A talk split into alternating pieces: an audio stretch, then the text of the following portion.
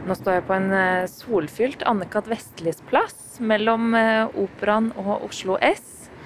Og eh, hvis tankene dine går i de litt litterære baner av å tenke på Anne-Kat. Vestli, så er ikke det helt feil. Fordi Anne-Kat. Vestlis plass ligger rett utenfor det nye Deichman Bjørvika, vårt nye hovedbibliotek. Og jeg skal eh, ta en tur inn eh, i biblioteket for å snakke med avdelingsdirektør Merete Lie. Eh, og jeg er helt sikker på at hun er utrolig klar for å åpne biblioteket for folket etter lang tids venting. Og så er jeg utrolig spent på å høre hva slags tanker hun gjør seg om bibliotekets rolle i vår tid. Hva skal biblioteket være i 2020? Hun har bedt meg om å gå inn eh, sideinngangen, så jeg skal gå bort dit og se om jeg finner henne.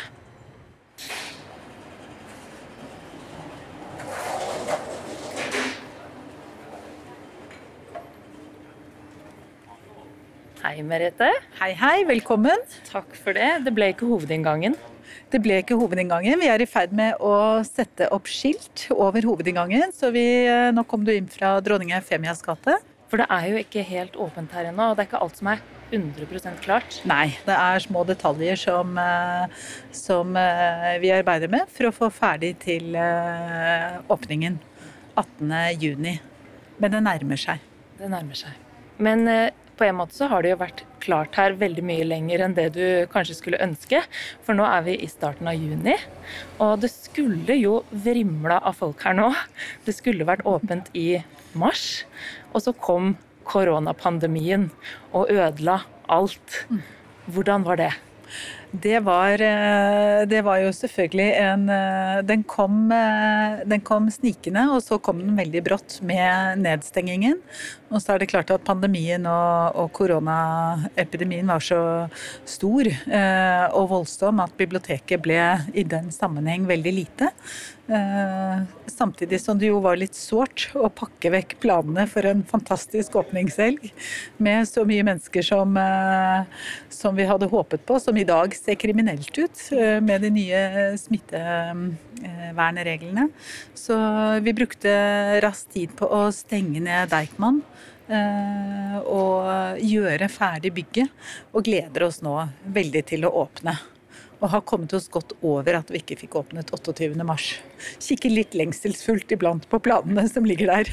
For det er jo eksemplarisk stille her, og man ønsker jo at det skal være stille i et bibliotek, men kanskje ikke akkurat av den grunnen?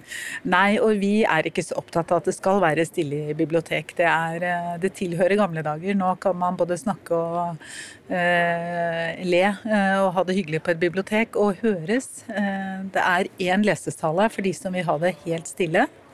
Men, men biblioteket er mennesker, og biblioteket er liv, og biblioteket er også lyd. Det første som eh, slår meg når jeg kommer inn her, er at det er jo mye betong, det er mye metall. Eh, men det er også veldig høyt under taket og luftig. Jeg tenkte vi må gå bort eh, til vinduene her og se ja. oppover etasjene også, for det er jo ganske unikt. Det er et helt fantastisk bygg. Og det er et bygg som, som både er flott å se på, men som åpenbarer seg med noen kvaliteter som det kanskje er vanskelig å få øye på når man er på utsiden. Og når vi beveger oss nå langs den ene lyssjakten i første etasje, nå går vi bort til, til veggen som vender ut mot Anne-Kat. Vestis plass, og så vender vi blikket oppover. Og nå står vi altså i første etasje. Wow! Og nå ser vi opp på taket, og vi ser en stor lysåpning i taket. Den kan du se ned i underetasjen. Biblioteket er i seks etasjer. Den første er under bakken, de neste fem er over bakken. Eh, og når du ser opp her, så, så aner man også at biblioteket, publikumsarealene, er konstruert som et stort rom. Og det betyr selvsagt at man har brukt mye eh, tid på å lage disse rommene gode i forhold til lyddemping. Så du ser isopor i et, eh, i et fint mønster i taket. Og når du kommer oppover i etasjene, så er det heller ikke betong på gulvet. Det er betong i de første to etasjene, underetasjen og første etasje. Og så er det jo også verdt å nevne at du nevnte høyden i denne etasjen. Annenhver etasje har en mestanin, altså en innskutt etasje. Som skaper nettopp denne fantastiske romfølelsen. Så når du kommer opp i tredje etasje, så er det åtte meter eh, opp til fjerde etasje. Så, så følelsen av rom eh, er veldig flott når man kommer inn her. Bygget er jo tegnet av eh, Lund Hagem og Atelier Oslo Arkitekter. De begynte denne jobben eh, for lenge siden, vant en arkitektkonkurranse. Eh, og interiøret er tegnet av Scenario, eh, interiørarkitekter. Så sammen eh, vil jeg si at lite er overlatt til tilfeldighetene. Og biblioteket har selvsagt brukt mye tid på å, å, være med å definere hvordan det bør utformes for at det skal fungere godt som et moderne bibliotek. Hva liker du aller best? Ah, det er vanskelig å si, for dette er jo, et, dette er jo en liten verden når man kommer inn. Jeg liker jo veldig godt at vi har fått så god plass til samlingene. På Hammersborg så sto 80% av boksamlingene i arkivet. 20% sto framme, og det betyr at de 80 som publikum gjerne ville låne fra, der hadde du ansatte som var ute og gikk og gikk og gikk og gikk enda litt lengre for å hente bøkene. Her er samlingene plassert ut i, uh, i rommene, som, som, er veldig fint. Det er veldig gøy å gå langs hyllene og, og, lete og se hva man finner. Og så liker jeg jo selvsagt den store variasjonen som vi kommer litt gjennom når vi begynner å bevege oss inn i huset. Alle de ulike tjenestene som, som noen vil kjenne igjen. De som har brukt biblioteket de siste årene, vil tenke ja, dette er her. Og de som ikke har vært på biblioteket på eh, noen tiår vil tenke i all verden, har man dette på et bibliotek i 2020? Her nede i foajeen, det er kanskje ikke her eh, det meste skal skje. Skal vi ta oss en tur opp og, og se litt lenger opp? Ja, det syns jeg. Ja. Ingen trapper, det er bare rulletrapper eh, her? Du, det er både trapper og heiser og rulletrapper. Eh, det er eh, Bygget har tre såkalte kjerner, og i hver kjerne ligger det både heiser Eh, og trapper eh, og møterom og sånn rundt kjernen. Eh, og i biblioteket, ute i rommet, er det rulletrapper mellom etasjen. Og vi står nå i rulletrappen på vei opp i andre etasje. Og når vi nå kommer opp på toppen av trappen, så ser du at vi kommer til en stor informasjonsskjerm som er pakket inn i rødt for å vise at her kan du orientere deg. Her finner man et kart for å forstå hva som fins Eh, i den etasjen du kommer til, og du får en oversikt eh, over arrangement bl.a. Det er et stort bibliotek, og det er et komplekst eh, bibliotek, så vi har laget kartløsninger som ligger både på skjermer, og som ligger i brosjyrer nede, og som du kan laste ned på mobilen din. Søke deg fram til en bok og, og hente det opp og bli geleidet fram til hylla der den står. Og så er jo dette, dette er jo hovedbiblioteket i Oslo. Ja. Eh, og dere har jo navngitt en del eh, rom her etter eh, ulike steder mm. i byen. Fortell litt om eh, hvordan dere tenkte da dere gjorde det. Mm. Så Deichman er jo Oslos bibliotek, eh, og vi har bibliotek i alle bydelene i Oslo. Det er 22 bibliotek i eh, Deichman-familien. Hovedbiblioteket leverer en god del tjenester til de øvrige lokalbibliotekene. Eh, og styrken til Deichman ligger selvsagt i at vi er så mange bibliotek, og at vi er der hvor folk bor. Eh, og da vi skulle finne navn til eh, møterommene våre, så tenkte vi hva er vel mer naturlig enn å hente navn fra nord og sør og øst og vest i byen.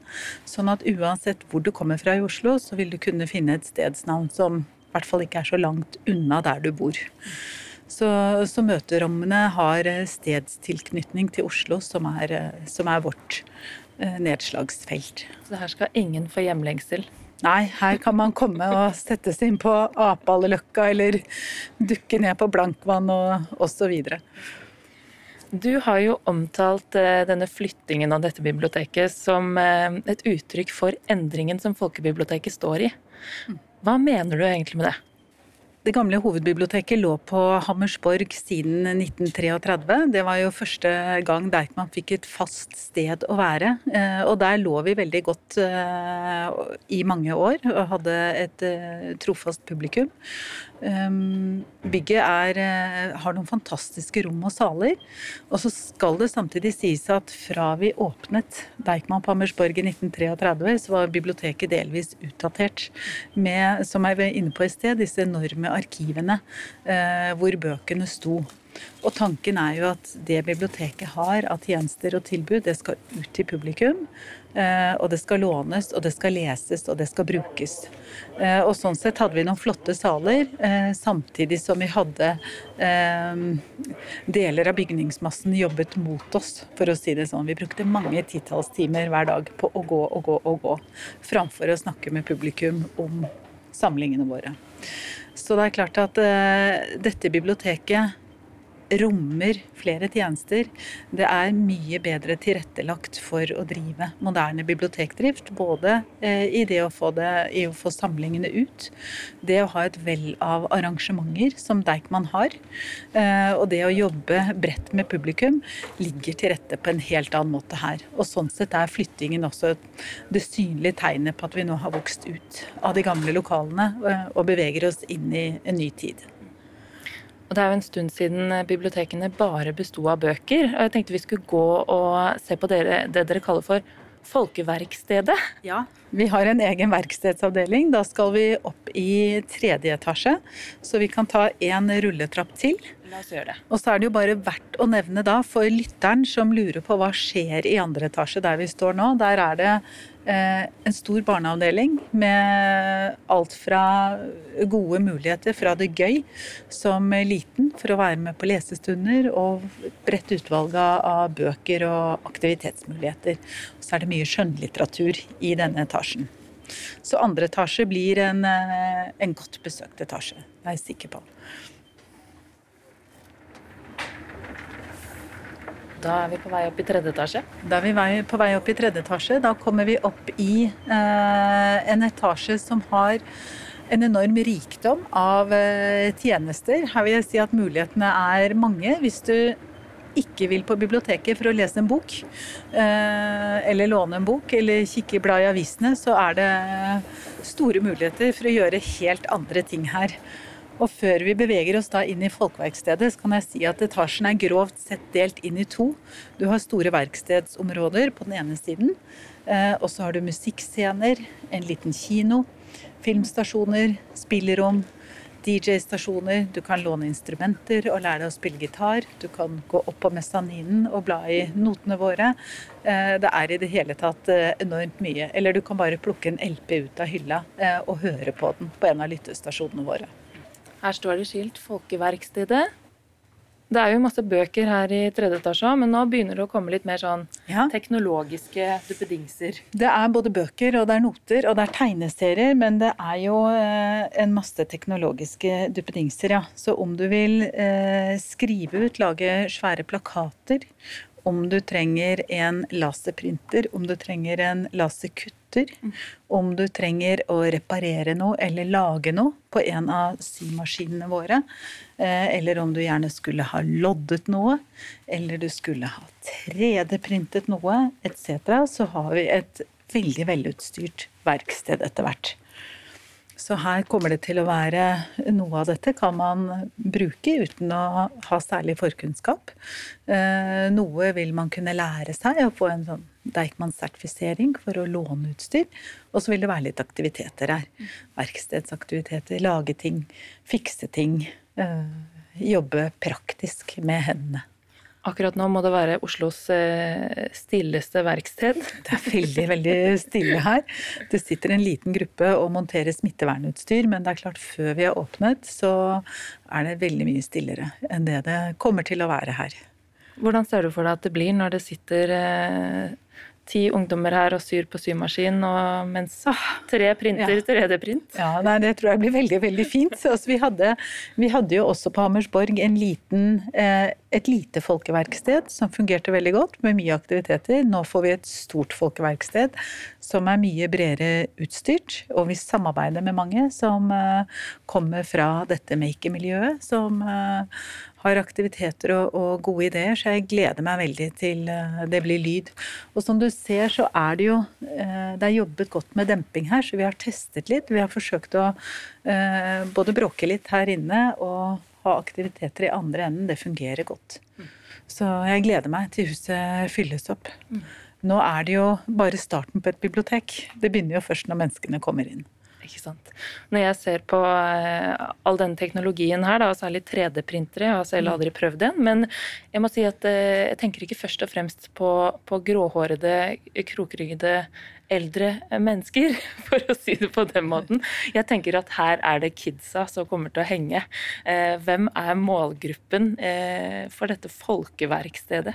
I utgangspunktet så har det truffet ganske bredt. Eh, det treffer unge, og det treffer eldre. Så er det klart at de som drives av en egen entusiasme inn i folkeverkstedet, er kanskje tettere på hverandre enn den jevne bruker av biblioteket, for vi har så, vi har så mange brukergrupper. Men jeg, eh, vi så på Hammersborg, og vi håper også å se her et, et variert publikum. Men det er klart, hele den tredje etasjen har eh, et stort innhold som forhåpentligvis treffer unge mennesker godt. Uh, og det er jo særlig unge gutter, uh, 14 år oppover. Da faller jo leselyst uh, betraktelig. nå er det flere veier til kunnskap enn ved å lese. Det kommer også ved å jobbe praktisk og ved å tilegne seg kunnskap som du kan gjøre i et folkeverksted. Men det er klart man kan sitte her og jobbe med en 3D-printer eller sy eh, opp buksa si, og så er du veldig tett på tegneserier, bøker, arrangementer, andre ting som skjer. Så forhåpentligvis så blir man lokket til å utforske litt videre når man begynner å bruke deler av dette biblioteket. Så ringvirkningen av 3D-printer eh, er eh, økt leselyst? Ja. Jeg vet jo at uh, dere er, har vært inspirert av bl.a. biblioteket i Helsinki når dere har utforma det biblioteket her i Bjørvika. Hva er det dere har tatt med dere derfra?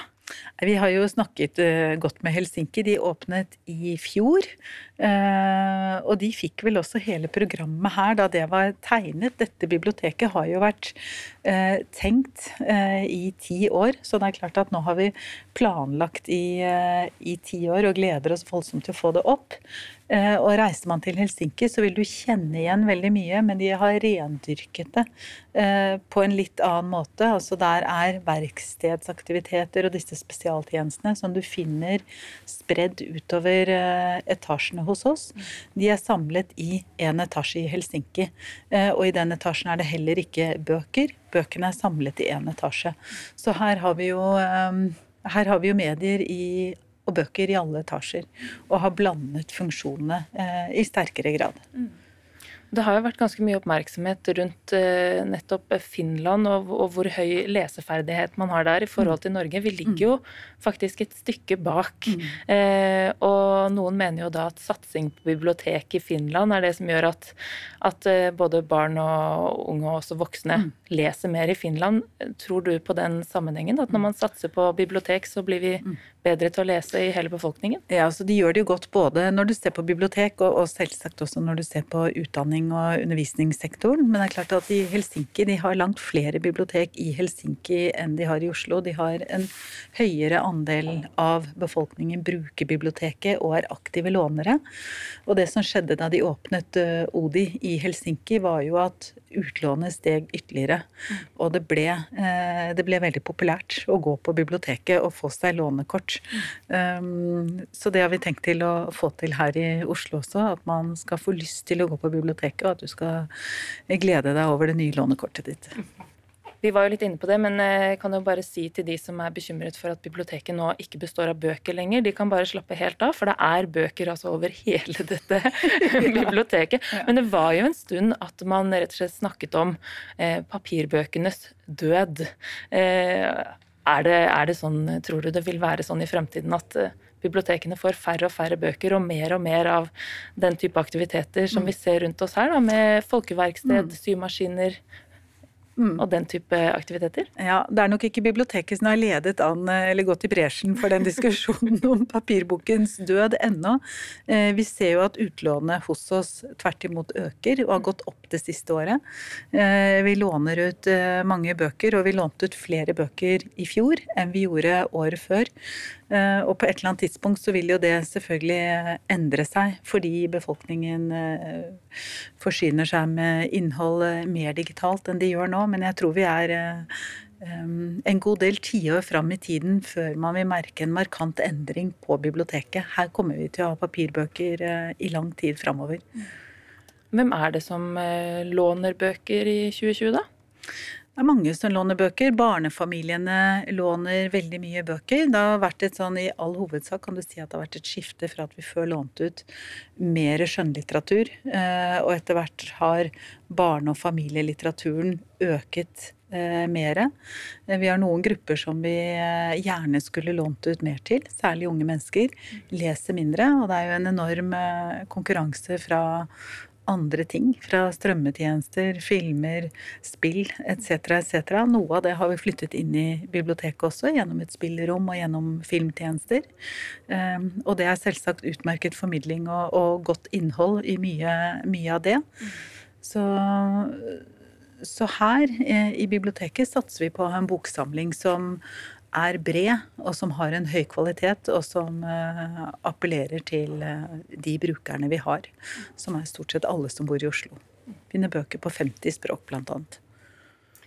Apropos det, så eh, er det jo områder i nærheten av Deichman som man vel kan kalle mindre privilegerte. I hvert fall et større mangfold også av språk. Og da Tøyen eh, åpna sitt bibliotek, så var jo det smekkfullt med en gang. Det var jo, eh, så vidt jeg har lest, så var det flere brukere på lille Tøyen bibliotek enn det var på det gamle Hammersborg hovedbiblioteket. Mm. Um, det er nesten så, riktig. Ja, nesten riktig. ja. Uh, hva er riktig? Det var, Nei, altså, det var langt fullere på Tøyen, så hvis du ser uh, uh, andel brukere per kvadratmeter, så, så var trumfet Tøyen. Men i antall hoder eh, så lå vel Så lå hovedbiblioteket så vidt over. Men eh, Tøyen har vært en fantastisk su suksess. Det har vært eh, proppende fullt eh, fra de åpnet, og så åpnet de Bibliotøyen for unge mellom 10 og 15. Også vært en dundrende suksess. Og i det hele tatt så er jo nå eh, kapasiteten i biblioteknettverket i Oslo sprengt. Mm. Så det nye hovedbiblioteket trengs. Det var tre millioner som, eh, som, brukte biblioteket i fjor. Og det betyr at med de rommene vi hadde da, så hadde vi rett og slett ikke plass til flere. Eh, mens her i Bjørvika så har vi eh, mulighet for å ha 3000 mennesker samtidig inne. Vel å merke når koronasmitten er borte. Eh, vi begynner mye mer forsiktig, og så får vi se når eh, når vi er tilbake på en normal. Men det er, det er plass til mange mennesker. Men for at de skal slippe å sitte så tett oppå Tøyen, da, hvordan skal dere klare å lokke dem over jernbanen? Ikke bare fra Tøyen, men fra, fra Grønland, fra gamlebyen, de omkringliggende områdene. Hvorfor skal de heller eh, bruke hovedbiblioteket? Ja, ikke sant. Det ene er at vi ønsker jo ikke at eh, folk skal slutte å bruke sitt lokalbibliotek og begynne å bruke hovedbibliotekene. Lokalbiblioteket er tett på folk og vil være det biblioteket som sitter med, med et særlig aktuelt innhold også for den bydelen. Så, så de skal få all del eh, fortsette å bruke Tøyen. Eh, men det er klart at eh, hovedbiblioteket har bedre plass. Det har et større spekter av tjenester. Og så jobber vi med samarbeidet med bydelene for å, for å koble hovedbiblioteket tettere på som du sier, Tøyen ligger rett rundt hjørnet. Grønland ligger på den andre siden av broen. Kort avstand. mentalt er det langt mellom Grønland og, og Bjørvika. Mm. Og det er viktig for oss at hovedbiblioteket ikke blir et uh, flott bibliotek hvor man tenker at man må pynte seg eller ha noe spesielt uh, ærend for å gå. Dette er et vanlig bibliotek, men det er veldig stort, og det er kjempefint. Kan man ta med seg matpakka si og sitte her og spise lunsj? Det kan du. Da må du, det, det er en egen uh, hyggelig plass for matpakkespiserne i andre etasje. Uh, og du kan drikke overalt det kan jo senke terskelen for, for, noen. At ja. man uh, slipper å gå på restaurant. Absolutt. Absolutt. Så det kan du. Og det er jo mange som har gleda seg til, til Deichman skal åpne, nettopp av den årsaken her at man uh, kan få mer mangfold mm. ned i denne helt splitter nye bydelen. Er det et uttalt mål for dere på biblioteket? Ja, det er et uttalt mål for oss. Det er klart at vi eh, treffer, eh, treffer, bredt i Oslo. Og ung, gammel, og, og fattig og rik, og, og, innvandrere. Og Bjørvika skal ikke være noe unntak. Så vi jobber jo eh, Vi som jobber Vi har bl.a. ansatt trivselsvakter. Eh, unge mennesker fra andre bydeler som, eh, som, kan være med og vise nye brukere på plass. Så vi tenker ut hvilke smarte grep vi kan gjøre for å sørge for at alle kan ha lyst til å bruke hovedbiblioteket uten at de er knyttet lokasjonsmessig hit. Det er ett sted til jeg gjerne vil at vi skal gå, og Ja. det er eh, det jeg vil tro at det ikke blir helt feil, for det er jo å kalle kronjuvelen i dette bygget, helt på toppen. Det er sant. Og det er jo apropos eh, stedsnavn fra byen, så tenker du nå på Kringsjå, som betyr vidsyn, eh, og hvor man nettopp får det. Hvor du ser godt ut, det er lyst, og du sitter blant en mengde bøker på en av de fineste utkikkspunktene i byen. Nå trenger du ikke lenger å dra til Sognsvann for å komme til Kringsjå. Nå er det mye lettere. Kan du ta søndagsturen på, i Deichman Bjørvika og få sett Kringsjå herfra? Skal vi ta turen opp? Vi tar turen opp. Det er egentlig ikke så lett å se hvor mange etasjer det bygget her egentlig består av. For det er Nei. mye mesaniner og Ja. halvetasjer og Ja. finurligheter. Ja, det er helt sant. Eh, og det er jo seks etasjer, men så er det disse tre etasjene med mesaniner over bakken, og det er en mesanin i underetasjen også. Og det er klart at det gir jo denne eh, veldig høyden. Eh, og det spennende arkitektoniske, syns jeg, ved at du beveger deg både opp og ned innenfor den enkelte etasje, og at du runder et hjørne, og så finner du eh, noe nytt og ser noe nytt. Så det er jo et eh, bibliotek som er rikt på gode sitteplasser for publikum. Vi har 1200 plasser som man kan eh, finne om det er i en liten studiecelle hvor du kan sitte alene og jobbe, eller ved et arbeidsbord ute i biblioteket, eller ved småbord, eh, eller rundt disse lysesjaktene hvor det er stoler hvor man kan sitte og jobbe. Eh, Så, så det er eh, et hus hvor jeg tenker at man vil bruke litt tid på å orientere seg. Bruke litt tid på å bli kjent. eh, Og hvor man sikkert vil få sine egne favorittsteder. Både avhengig av hva man er interessert i, og hva man liker å lese, og hvordan man liker å ha det når man sitter på et bibliotek. Er vi på Kringsjå nå? Skal vi Du, gå litt grann lenger opp? litt opp. Nå er vi ved foten av Kringsjå. Og hvis vi nå hadde Sånn som man ser bygget utenfra, så ser du at det er to etasjer som henger over åpningspartiet, eh, forsterket. Det er laget for å bevare siktlinjen fra Oslo S til Operaen. Deichman skulle ikke stå i veien, og dermed ble denne eh, som arkitektene vil kalle utkrageren, laget. Som er da eh, fjerde og femte etasje forbundet som en stor eh, eh, plass som beveger seg oppover eh, i trapper med, hvis vi går enda litt lenger, eh, en fantastisk utsikt eh, over operaen og utover fjorden og nedover, Wow. som du ser. Ja. Her tror jeg vi må sette oss ned så vi kan eh, Ja. nyte utsikten. Ja. Altså, det hjelper jo også med den fantastiske sola å se utover på fjorden her. Det her er virkelig helt nydelig. Ja, det er helt fantastisk. Det er jo et eh, så fint eh, område som brer seg, og som sagt godt med sitteplasser. Dette vil jeg tenke blir en favoritt for mange, inklusiv meg selv. Men veien hit å sitte inni denne utkrageren, eller utstikkeren, som jeg kanskje ville kalt det, og kikke utover altså en helt fantastisk solbadet fjord, og utsikt rett til operaen, hvor det jo står folk og danser på taket. Veien hit har vært ganske lang. Eh, Det er jo faktisk tilbake til 2001 Ja. at man vedtok at man skulle få et nytt bibliotek i, i Oslo. Ja, Eh, Og elleve år siden man bestemte at det skulle legges Ja. hit. Eh, og så har det vært budsjettsprekker, det har vært kritikk av det arkitektoniske uttrykket. Ikke alle som har syntes det har vært fint. Nei. Og forsinkelser. Hvordan vil du beskrive den veien hit, og hvordan føles det å sitte her nå? Du, veien har jo vært eh, lang, og, så er det jo verdt å legge til at før denne lange, litt relativt konkrete planfasen startet, så jobbet jo den gamle biblioteksjefen Liv Sæteren med eh, å se på tomt og se på mulig plassering av nytt hovedbibliotek, og det pågikk lenge. Så jeg vil si at vi har eh, drømt om dette biblioteket i 30 år. Og så har det jo vært noen eh, noen ganske spennende svinger underveis i eh, byggeprosjektet med en eh, mulig byggestopp da prosjektet ble dyrere enn først antatt. Um, Så det å sitte her i et uh, nytt rom som har vokst uh, fram uh, av denne byggeplassen og er så ferdig og, og nå klar til å ta imot publikum, er jo en veldig god følelse.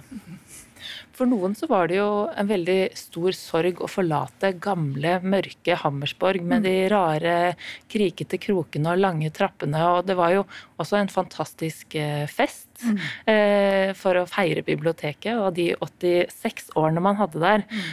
Men det var jo ikke mangel på kritikk da man bestemte seg for å bygge bibliotek på Hammersborg heller?